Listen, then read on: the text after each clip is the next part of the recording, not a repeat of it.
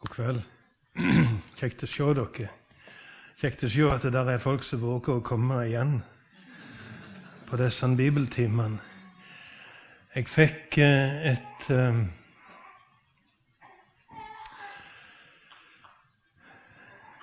veldig krevende tema. Kjell Morten sendte en melding til meg i sommer, vår, med et sitat fra Logos si årsmelding om at de unge som vokser opp i dag, har i beste fall en teoretisk kunnskap om synd.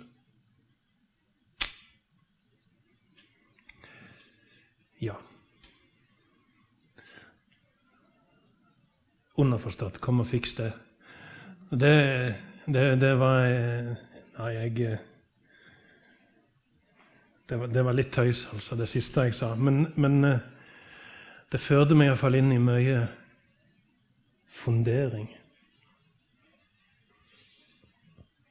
Hva er det som er galt, og hva kan vi gjøre med det? Det er veldig alvorlig hvis en bare har en teoretisk kunnskap om synd. Jesus Kristus han kom til verden for å frelse syndere. Hvis en ikke vet hva synd er, så vet han ikke hva frelseren er.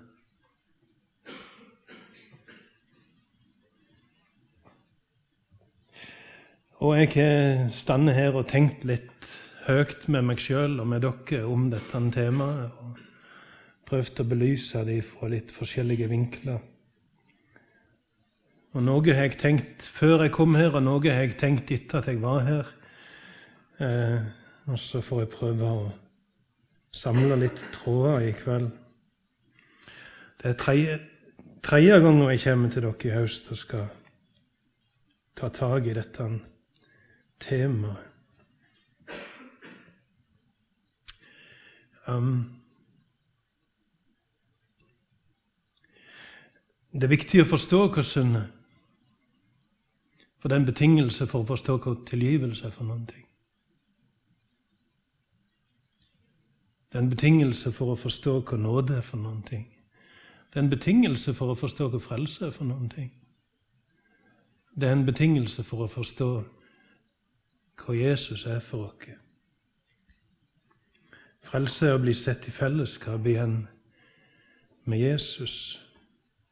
Og det er ufortjent, og det er nåde.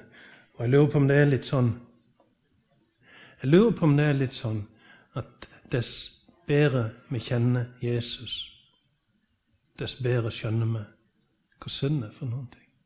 Jeg lurer på om det er sånn. Jeg tror kanskje det er det. Hva er synd?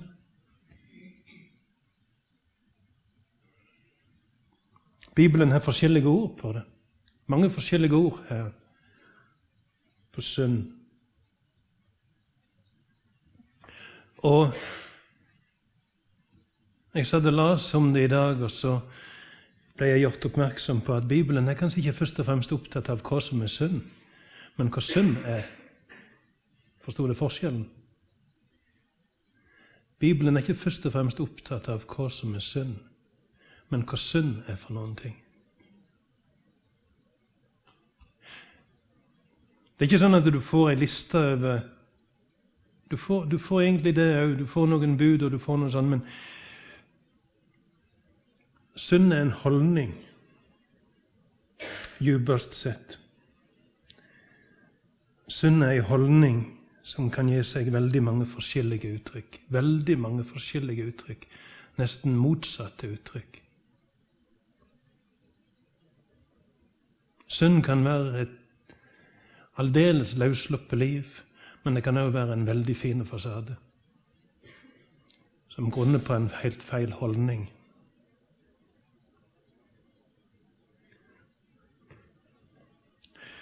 I Det gamle testamentet så finner du synd omtalt med forskjellige ord. Et ord sikter på dette å bomme på målet. Det er liksom et mål som du skal treffe. De bruker det ordet om å treffe når du bruker ei slynge. Hvis du treffer målet, eller hvis du bommer på målet Hvis du bommer på målet, så er det det samme ordet som blir brukt om det å synde. Du bommer på målet med livet ditt hvis du lever i synd.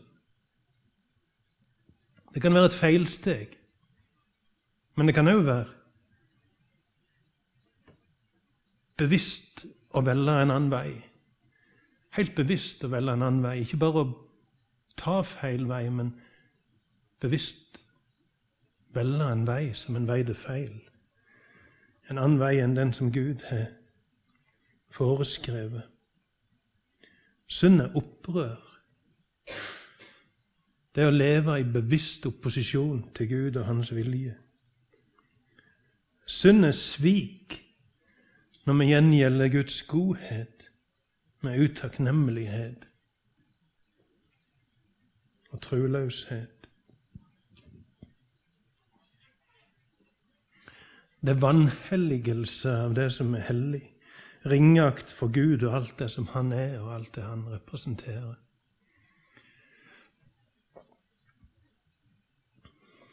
Eller vi kan ta utgangspunkt i det norske ordet.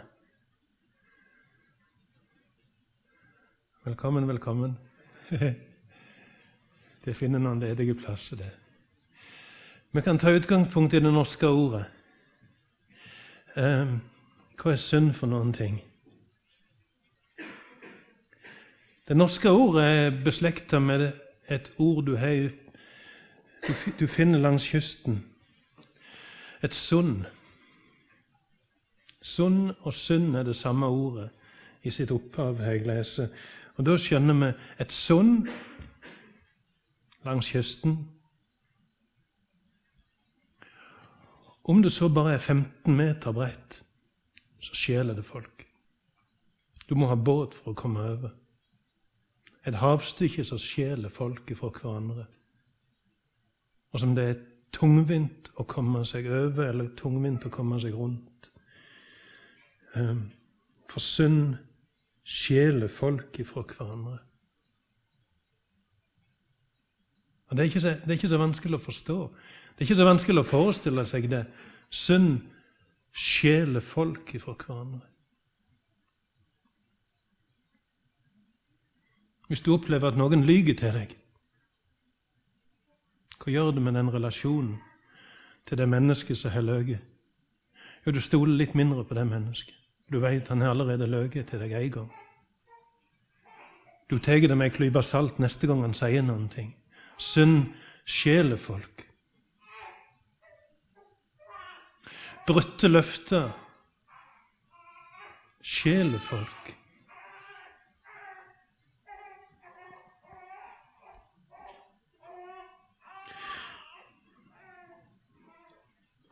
Baktaling. Det ødelegger fortrolighet.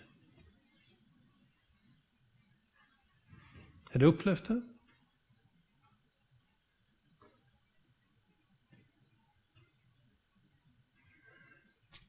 Du har betrodd deg på tomannshånd til noen, og plutselig så er det på bygda. Det gjør noe med relasjonen til det mennesket du har betrodd deg til. Det skaper avstand. Større avstand. Du, du, du betror deg ikke til det mennesket på samme måte igjen. Vold skaper frykt, og det skaper avstand. Misunnelse og utroskap ødelegger harmonien. Ubetenksomme ord det sårer, det gjør at vi skyver folk ifra hverandre. Synd skaper avstand. Synd ødelegger relasjoner. Og Da kan vi forstå at synd og sunn er beslekta. For et sunn sjelefolk, det skaper avstand, gjør det tungvint å møtes, vanskelig å møtes. Um,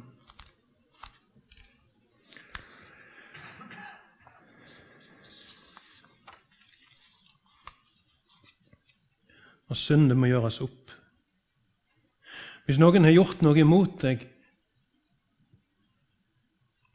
som har svekka eller ødelagt relasjonen, så må det gjøres opp. Det må gjøres godt igjen, og det kan være fryktelig tungvint.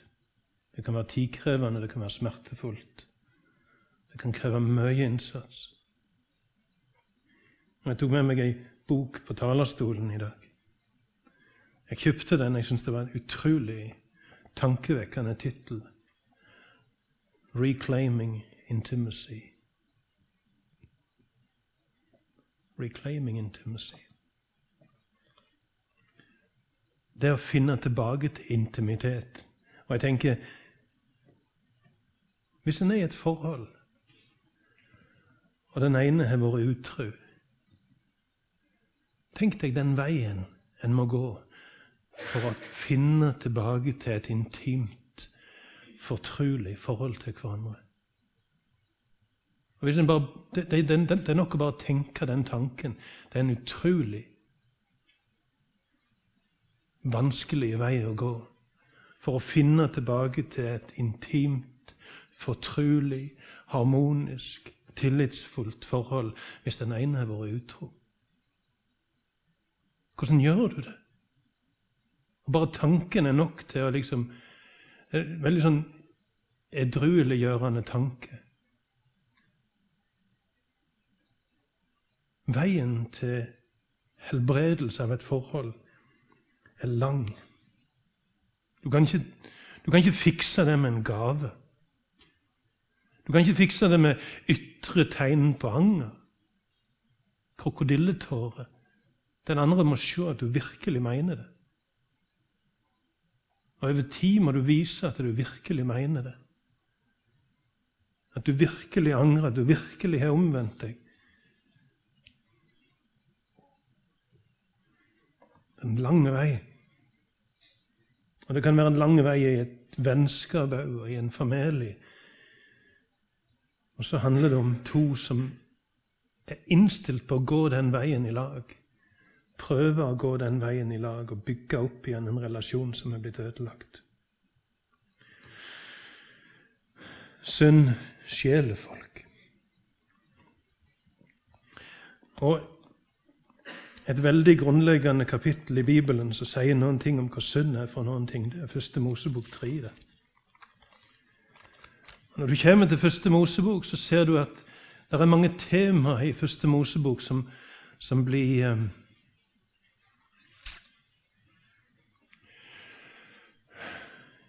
På fint så tror jeg du kan kalle det arketypiske tema. Det er liksom det første gangen du møter et tema, så blir det på en måte Eller for å bruke et bilde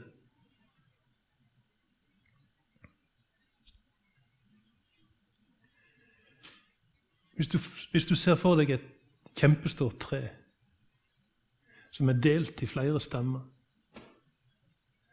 og som et stykke opp, et stykke, en meter opp på stammen så stikker det ut ei svær grein den veien. Og, og, litt lenger oppe så stikker det opp ei svær grein den veien. Og det treet er 200 år gammelt.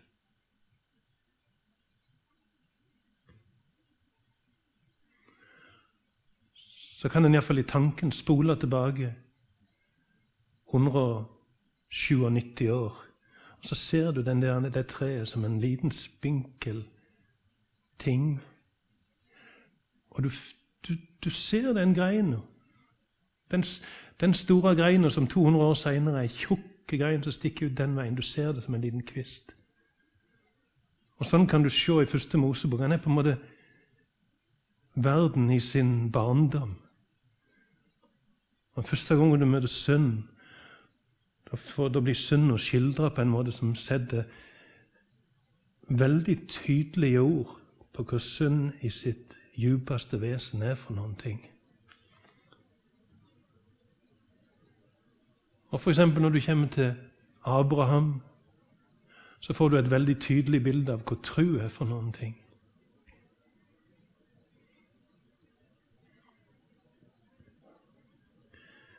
Noah er et veldig tydelig bilde om frelse og dom og ny start. Men første Mosebok 3. La oss se hva det står der. Slangen var listigere enn alle villdyra som Herren Gud hadde laga. Han sa til kvinna, har Gud virkelig sagt at de ikke skal ete av noe tre i hagen? Kvinna sa til slangen, vi kan ete av frukta på trea i hagen, men om frukta på treet som står midt i hagen, har Gud sagt. Et henne ikke og rør henne ikke. Gjør det det, skal det dø. Da sa slangen til kvinna, det skal slett ikke dø. Men Gud veit at den dagen det eter frukta, skal auga dykkar åpnast. Det skal bli som Gud å kjenne godt og vondt. Nå fikk kvinna sjå at treet var godt å ete av, og en fryd for auget. Et tillokkende tre, siden det kunne gi innsikt, så hun tok av frukta og åt. Hun ga henne til mannen sin som var sammen med henne, og han åt. Da ble auga deres åpna, og de skjønte at de var nakne. De fletta sammen fikenblad batt kring livet. Da hørte de lyden av Herren Gud som vandra omkring i hagen i den svale kveldsbrisen. Og mannen og kvinna gjemte seg for Herren Gud mellom trea i hagen. Men Herren Gud ropa på mannen og sa, Hvor er du? Han svarer, Jeg hørte lyden av deg i hagen og var redd fordi jeg er naken, og jeg gjemte meg. Da sa han, Hvem har sagt deg at du er naken? Har du ete det treet jeg forbød deg å ete av? Mannen svarer, Kvinna som du ga meg å være sammen med, hun ga meg av treet, og jeg åt. Herren spurte kvinna, Hva er det du har gjort? Kvinna svarer, Slangen narra meg, og jeg åt. Det er et utrolig djupt kapittel.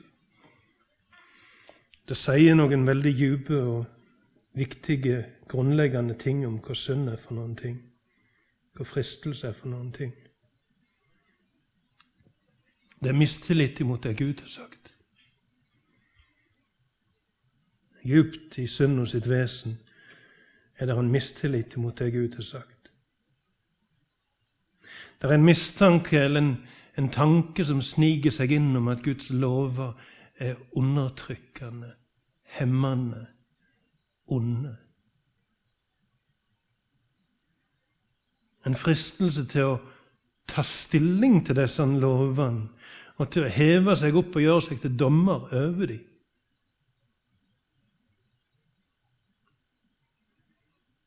Velge om en skal leve etter dem eller ikke en frekkhet til å sette seg til doms over det som Gud har sagt, og ta stilling til om det er verdt å leve etter eller ikke.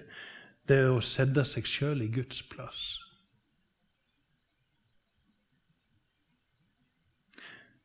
Å bli som Gud. Gjøre seg sjøl til Gud. Påberope seg innsikt i hva som er rett og galt. Slangen sier det skal bli som Gud å kjenne godt og vondt. Uh, og jeg har tenkt at ja, på en måte er det sant. De åt av treet.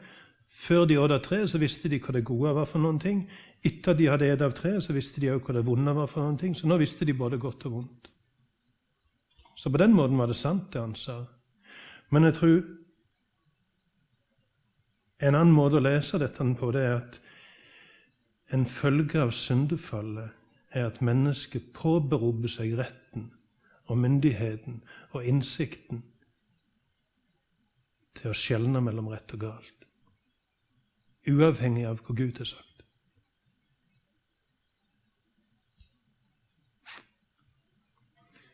Det er djupt i mennesket sitt syndige vesen. Vi setter oss til dommere over rett og galt. Jeg veit hva som er rett. Jeg kjenner det her inne. Jeg veit hva som er rett. Og Derfor avviser jeg Guds ord, for her inne veit jeg hva som er rett. Da har mennesket sett seg til dommer over Guds ord og gjort seg sjøl til Gud. Det er fristelsen som djevelen heller fram. Det skal bli som Gud og kjenne godt og vondt. Og vi ser det i samfunnet vårt. Mennesker som med stor frimodighet påberoper seg å vite hva som er rett, og hva som er galt. Uavhengig av hva Gud har sagt. Og så ser vi noen ting som er verdt å merke seg. Adam tier. Han var i lag med Eva, men han tier. Han hadde hørt direkte fra Guds munn at det treet skulle de ikke ete av. Og han stender der med sida av Eva og strekker hånda ut imot treet. og imot frukta, og Adam tier. Det er verdt å merke seg.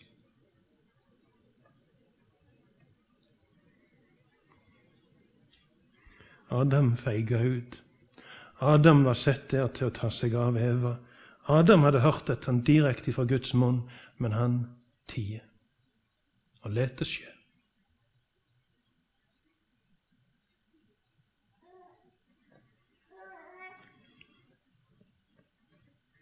Vi ser at de gjemmer seg for hverandre. De må ta på seg klær, de gjemmer seg og de skammer seg for hverandre. Synd ødelegger relasjoner.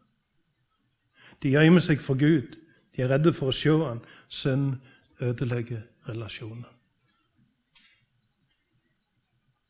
De, eh, Gud kommer til dem, han, han, kaller på dem, han inviterer til en bekjennelse av hva de har gjort. Og de gjemmer seg. Og når han utfordrer dem, så kaster de skuld på hverandre og på Gud og på slangen, i plassen for å ta ansvaret sjøl. Adam kaster skuld på Eva. Synd ødelegger relasjonen.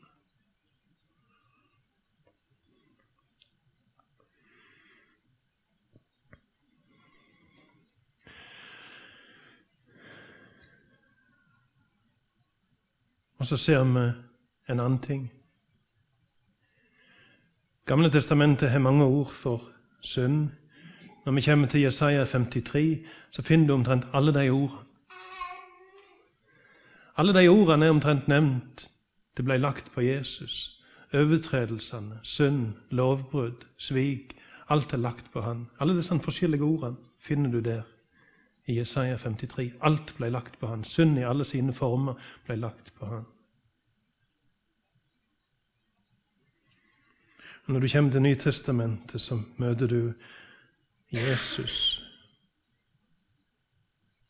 Du ser det i, på samme måte som Gud kommer. Han kommer til dem i hagen. Han, han, han kommer til dem. Han vet hva de har gjort. Han kommer til dem i hagen. Inviterer dem til å komme fram på eget initiativ og si hva det er de har gjort. Bekjenne. Be om forlatelse. Og når de ikke gjør det, så er det likevel nåde. Han lager klær til dem. Han eh, lover dem en frelser som skal komme. Så du ser mennesker som er truløse, som eh, opphøyer seg sjøl til Guds plass, setter seg til dommer over det han har sagt, um, kaster skuld på hverandre og på Gud. Og Gud er nådig, omsorgsfull, inviterer til fellesskap, Loven frelser. Og du ser det hos Jesus. Han er legen som oppsøker de som er sjuke. Han er den som de flokker seg om, de som det har gått galt for. Han er hyrden som leter etter de som har kommet seg vekk, eller de som har kommet vekk ifra han. Han er den barmhjertige som stopper opp og pleier den som er falt blant røvere. Han er kongen som ikke gir gjeld. Han er den som tilgir synd. Han tar røveren med til paradis.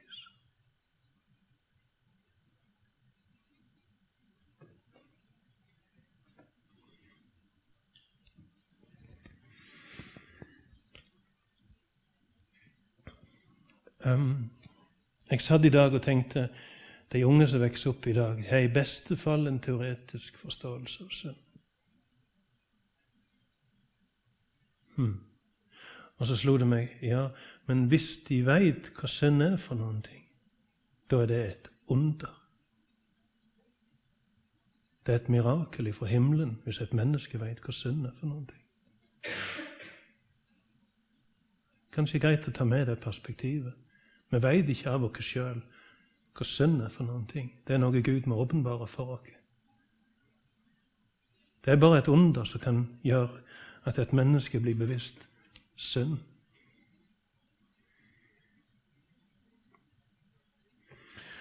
Og Hva er det som gjør at vi ikke vet hva synd er? Jeg satt og så setter jeg opp noen stikkord. Hva er det som gjør at vi ikke vet hva synd er for noen ting? Hva er det som gjør at vi er vanskelig for å forstå det? Jeg har åtte punkt. Det er sikkert upedagogisk å ha så mange punkt.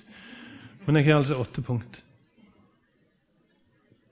Og det fine med det, å ha åtte punkt er at etter hvert som jeg sier punkt fire så jeg, Ok, da har han bare fire igjen. Um, åtte punkt. Vi lever i en ateistisk kultur.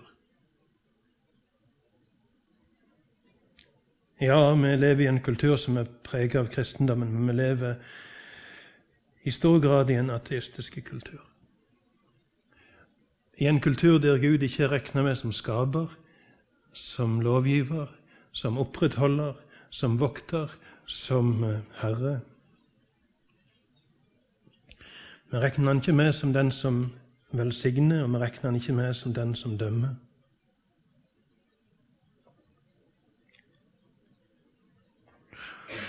Og så slo det meg Hvor stor er sjansen, vil det si, for at det skrur på fjernsynet, og så er det en på fjernsynet som sier dette som jeg skal si nå? Hvor stor er sjansen for at det skal skje? Det står en på fjernsynet, og så sier han vi i Norge må vi være takknemlige for kristendommen som kom til landet vårt for 1000 år siden. Og som forvandla landet og folket. Det var kristendommen som satte en stopper for hevntanken som var så sterk i folket vårt i vikingtida. Så i plassen for holmgang og blodhevn lærte nordmenn å tilgi. I plassen for plyndringsfære til England og Frankrike og Irland, med ran og voldtekt og drap og kidnapping, så ble vi en fredsnasjon som viser vei for verden i omsorg for mennesker i nød. I plassen for å være et ettersamfunn der folk bare hadde syn for sine egne, lærde vi å take av alle mennesker som trong hjelp. Ja, vi i Norge har mye å takke kristendommen og Gud for. Hvor stor er sjansen for at det blir sagt på fjernsyn? Veldig liten. Vi lever i en artistisk kultur. Vi regner ikke med Gud. Vi regner ikke med Hans velsignelse. Vi regner han ikke med som skaper. Og Det er ikke bare det at vi ikke regner med hans velsignelse, vi regner ikke med hans dom heller. Og det har slått meg de siste dagene. En av um, Etter etter vannflaumen på Noas i tid, så gir Gud et løfte. Første Mosebok 8, vers 22. Så lenge, så lenge jorda står, skal såtid og innhausting, kulde og hete, sommer og vinter, dag og natt aldri tar slutt. Det er et veldig viktig vers. Så lenge jorda står, skal såtid og innhausting, kulde og hete, sommer og vinter, dag og natt, aldri ta slutt.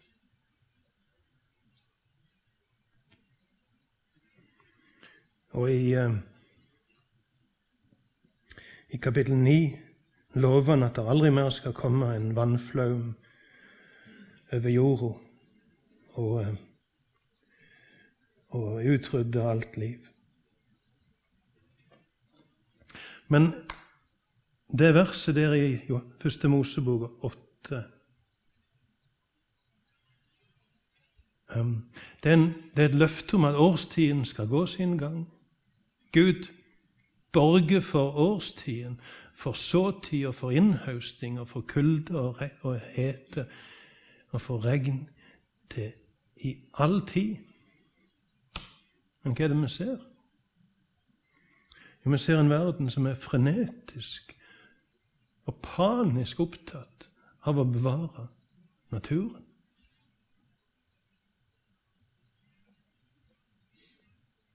Vi har Guds løfte om at det skal bestå.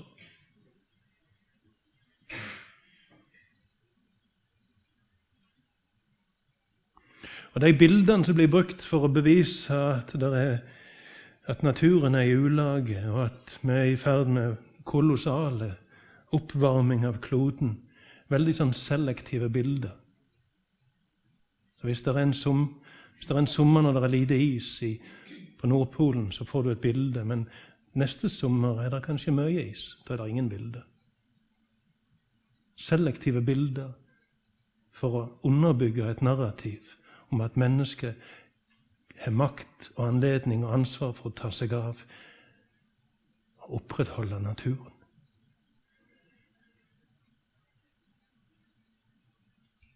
Og naturlig nok Naturlig nok i en ateistisk kultur, men vi har Guds løfte om at det skal bestå. Og så en annen ting vi har Guds ord på at Han vil gi forstyrrelser i naturen som straff for synd. Og det gjør at folk som er veldig opptatt av naturen, de får på en måte en feil forståelse av det som skjer rundt dere.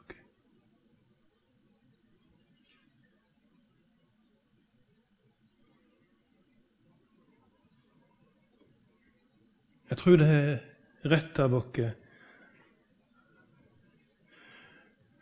når, eh, når ei hetebølge rammer Kina, f.eks. I plassen for å spørre om vi har sluppet ut for mye CO2, så kan vi spørre er det noe alvorlig moralsk galt i verden? Som gjør at Gud sender et sånt vær.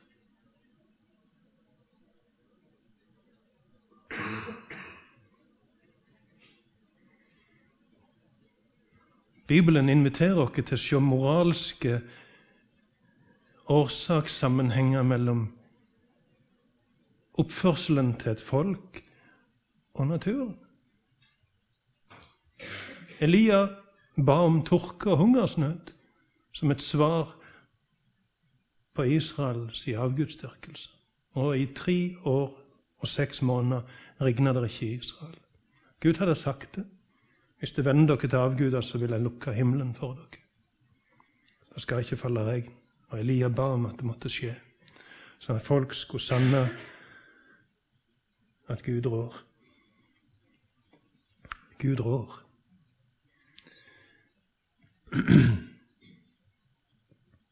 Men i en ateistisk kultur så vil, ikke, så vil en ikke tolke naturen, og en vil ikke tolke velsignelsene på rett måte. Og en vil ikke se at vi står moralsk ansvarlig.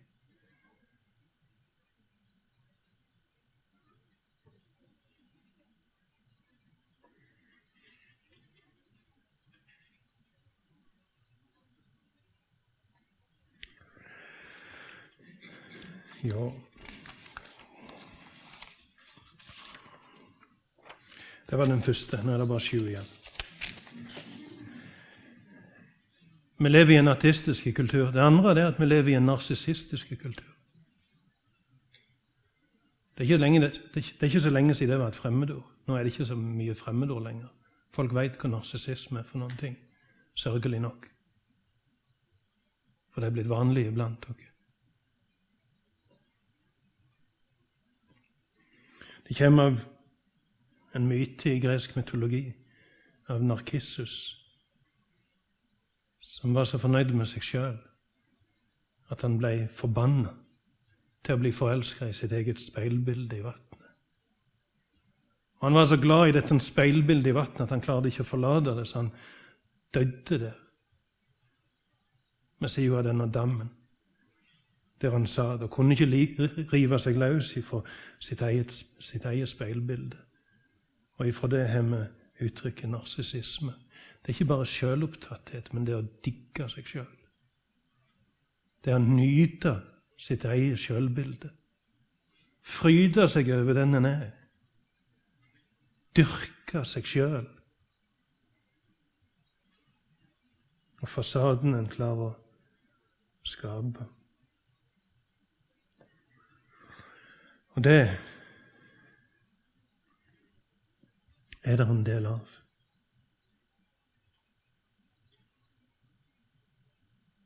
Jeg så en film dukket opp på telefonen for noen dager siden. Av en ungdom borte i Amerika. Han ble utvist fra klasserommet. Og På vei ut av klasserommet så er det en medelev som filmer han idet han lekser opp til denne læreren, som gjør altfor lite for å ta seg av han, for han er Amerikas framtid. Og det er sant. Han er Amerikas framtid. Og det kan hende den læreren hadde gjort for lite.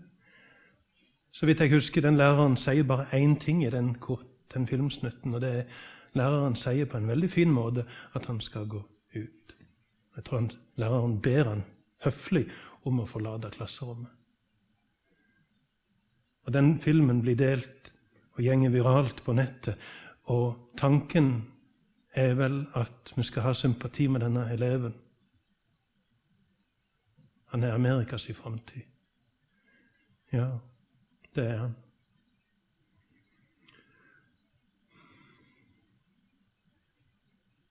Det er han.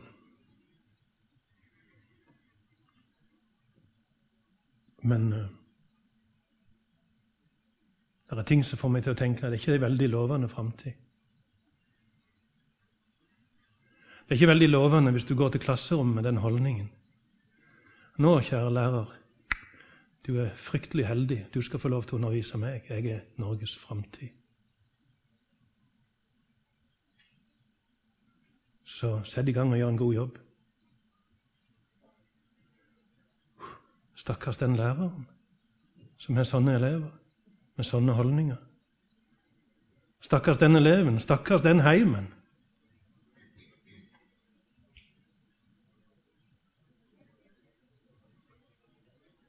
I gresk mytologi er narsissisme en forbannelse.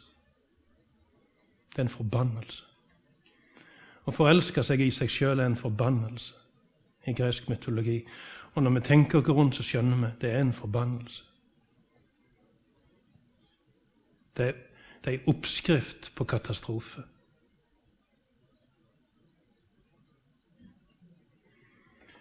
For uh,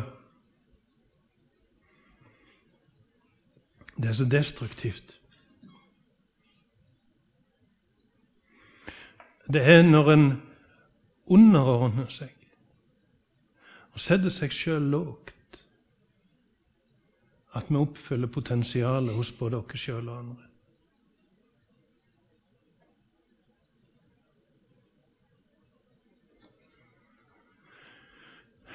Det er mannen som strekker seg langt i tjeneste for kona si og for ungene sine, som er en god far, og som bygger en god heim. Det er kona som strekker seg langt i respekt for mannen og tjeneste for, for mann og unger. Det er hun som bygger en god heim. En plass der det er godt å være, der ungene kan blomstre, der alle kan blomstre. Det er ungene som underordner seg under foreldrene sine, som kan bli forma til å bli gagns mennesker. For foreldrene vil de vel.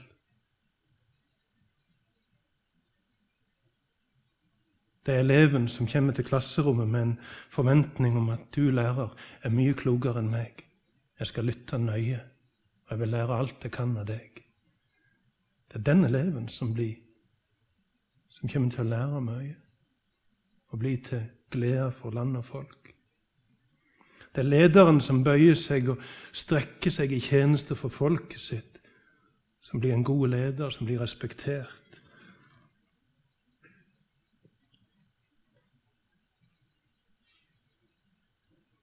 Og Når det er borgere som ærer og respekterer sine ledere, det er da vi får et godt samfunn. Men hvis alle skal gå rundt og sitte på hver sin tue og digge seg sjøl, fryktelig destruktivt.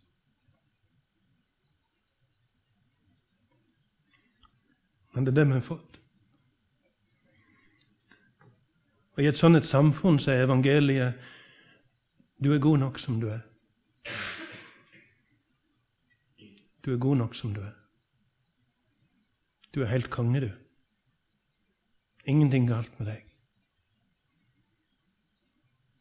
Det er evangeliet de vil høre, det på en måte å bygge opp under deres eget ego, deres eget en bygge opp under deres følelse av at de er aldeles feilfrie. Perfekte, fantastiske. Verdt å beundre.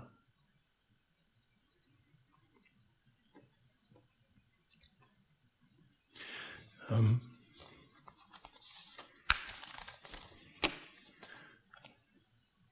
tanken om synd er veldig dårlige levevilkår i en narsissistiske kultur.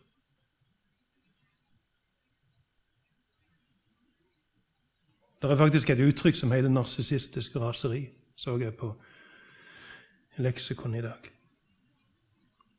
Med begrepet narsissistisk raseri menes det et sterkt og ofte ukontrollert sinne som kan bryte fram når en person føler at hans selvbilde og selvoppfatning trues eller skades.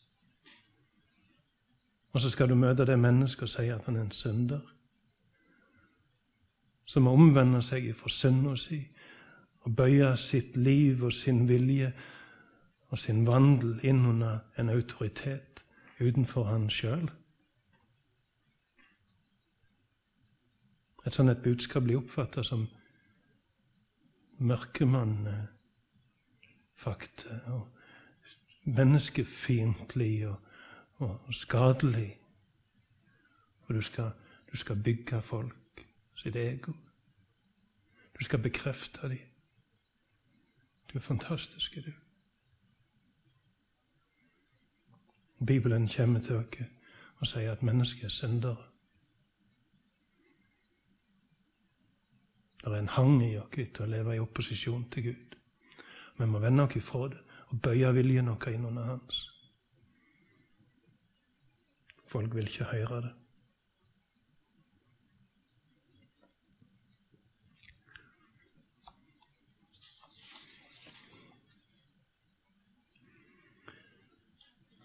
For det tredje tannløse forkynnelse om at Gud er kjærlighet. Gud er kjærlighet, for all del. Men hvis du kombinerer det, hvis du kombinerer den setningen om at Gud er kjærlighet, men svekka tiltro til Bibelen. Der mine tanker om Gud er like gyldige som Paulus sine tanker om Gud. Ja, Så vender du deg vekk fra Paulus og Peter og Johannes og alle disse, og så nøyer du deg med dine egne tanker, og så er Gud kjærlighet. Du kan ikke snakke om synd når Bibelen ikke har autoritet. Synd må være brudd på en gyldig autoritet. Og Hvis Bibelen ikke blir trodd lenger som Guds ord, fins det ingen gyldig autoritet. Synd fins ikke lenger.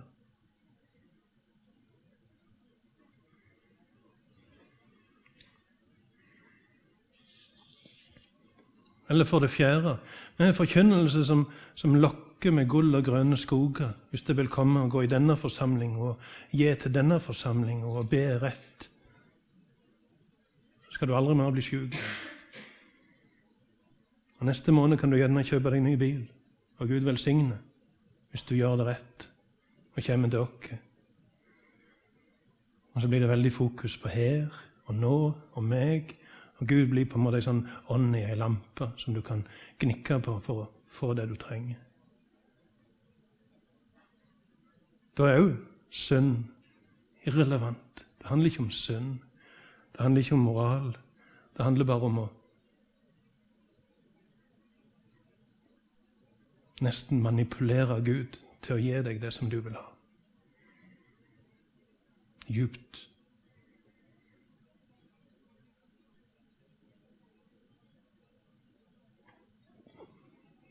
Bespottelig overfor Gud. For det femte Hvorfor er ikke de unge en, mer enn en teoretisk kunnskap om synd? Ja, det er feige og tause kristenledere. Feige, tause og utydelige. Vi våger ikke å snakke tydelig. Vi velger noen koselige historier, noen oppbyggende tema og tekster. Så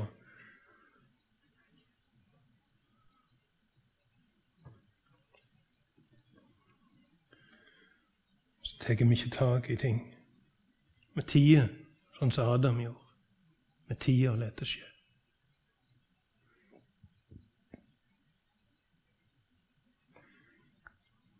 For det sjette verdslighet, der Gud blir skjøvet inn i en trangere og trangere krok, og troa blir en privatsak som skjer i enerom eller på særskilte møter på bedehuset, i plassen for at Jesus er husets herre, synlig i alle ting.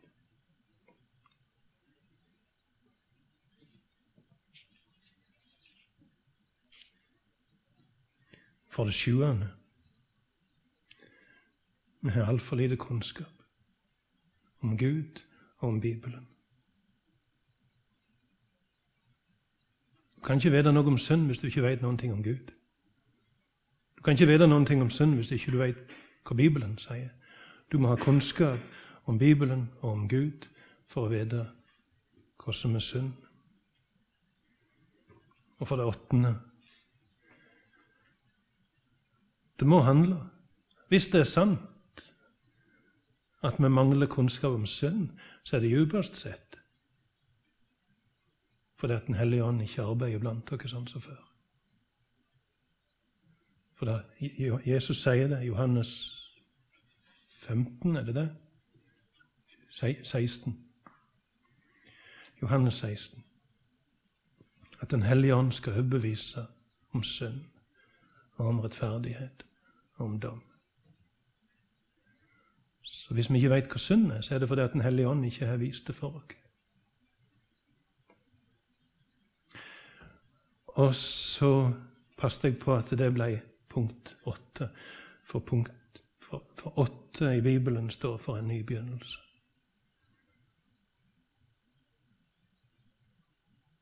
Den hellige ånd kan overbevise om synd, og han har gjort det før. Han kan gjøre det igjen. Han kan gjøre det igjen. Så vi må be om at han gjør det igjen. At vi får en ny begynnelse.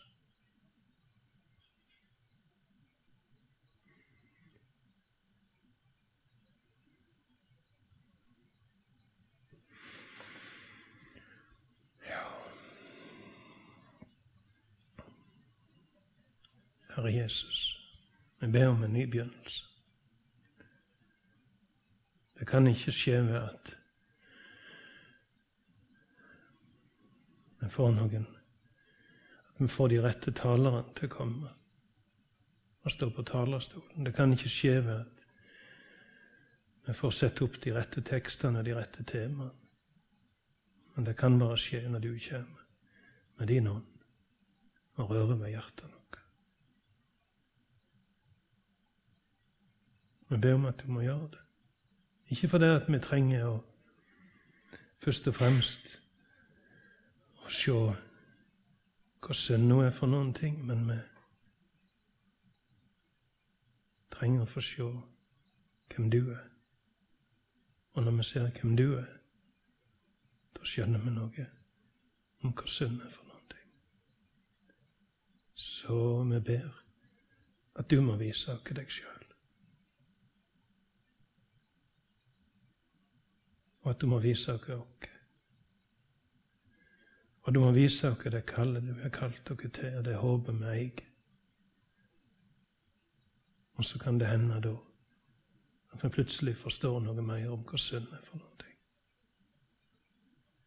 Be om at det må skje, Jesus.